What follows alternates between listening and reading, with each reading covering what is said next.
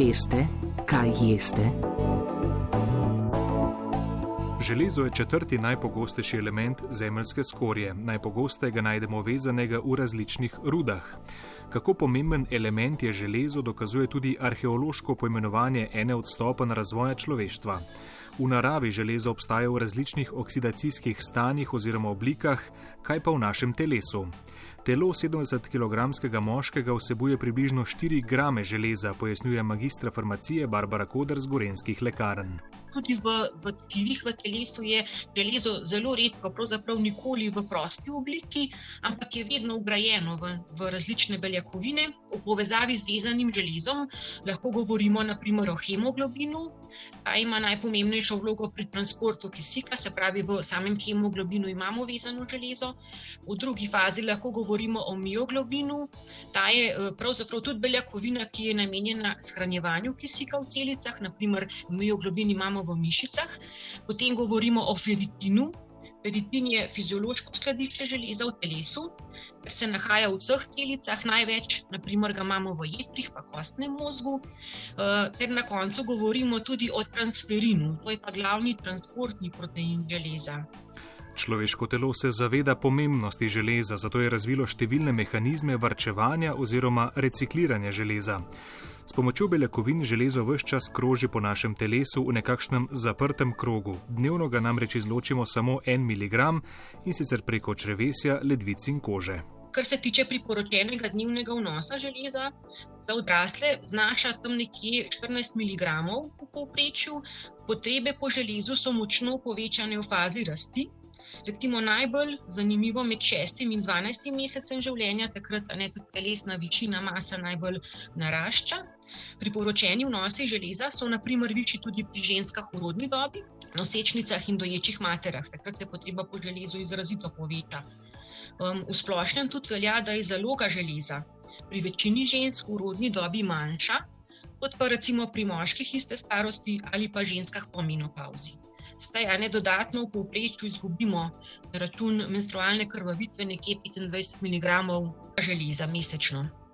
Železo se v hrani nahaja v hemski in nehemski obliki. Hemsko železo najdemo v mesu, ribah in morskih sadežih, kjer je vezano v mioglobinu in hemoglobinu.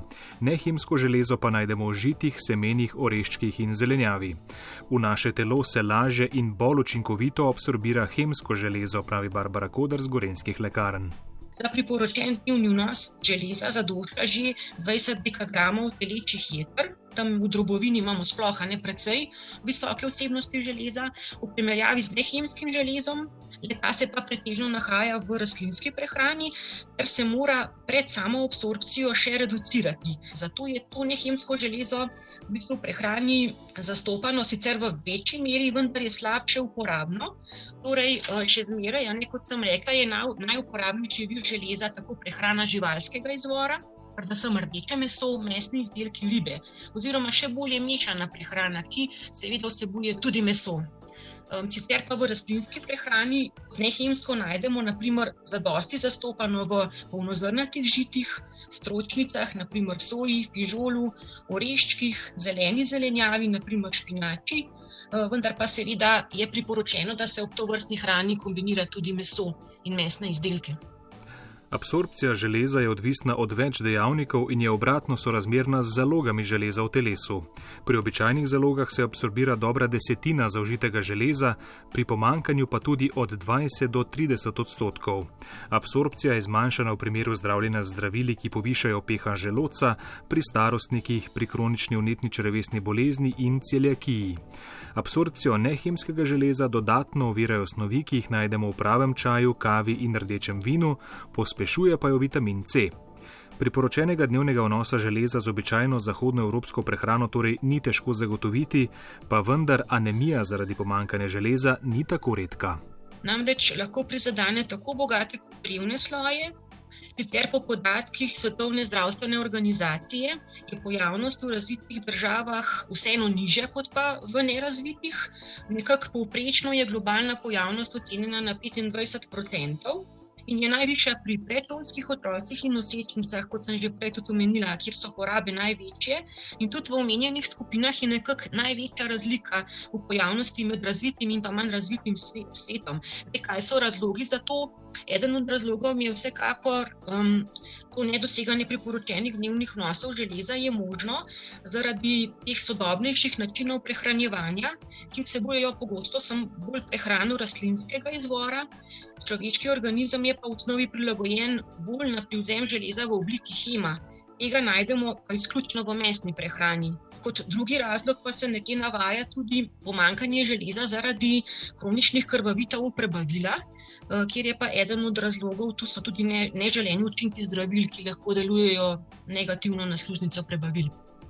Železo ima v našem telesu pomembno vlogo pri kognitivnih funkcijah, pri sproščanju energije pri presnovi, pri nastajanju rdečih krvničk in hemoglobina, pri prenosu kisika v telesu in delovanju imunskega sistema. Poleg tega prispeva tudi k zmanjšanju utrujenosti in izčrpanju, ima vlogo pri delitvi celic. In kaj se zgodi, če ga je v našem telesu preveč? Tudi preobremenitev železom je možna, saj praktično zaradi tega vrčevanja železa mehanizma za izločanje železa iz telesa ni. Vendar pa zaradi kompleksne regulacije, vseeno v primeru samo vnosa železa s prehrano, ob neki normalni funkciji prebavil, neke preobremenitve praktično ni možno doseči. Možne pa so zastrupitve zdravili, ki vsebujejo železo, naprimer kot primer pri otrocih, ki po pomoti zaužijejo zdravila namenjena odraslim. Imamo pa tudi v primeru akutne zastrupitve na voljo antidot. Kronične preobremenitve železom pa najbolj običajno nastanejo pri posameznikih, ki, posameznikih, ki imajo določena obolenja v zadju, kot so naprimer hemolitična anemija, hemoglobinopatije ali pa ena od oblik hemokromatoze.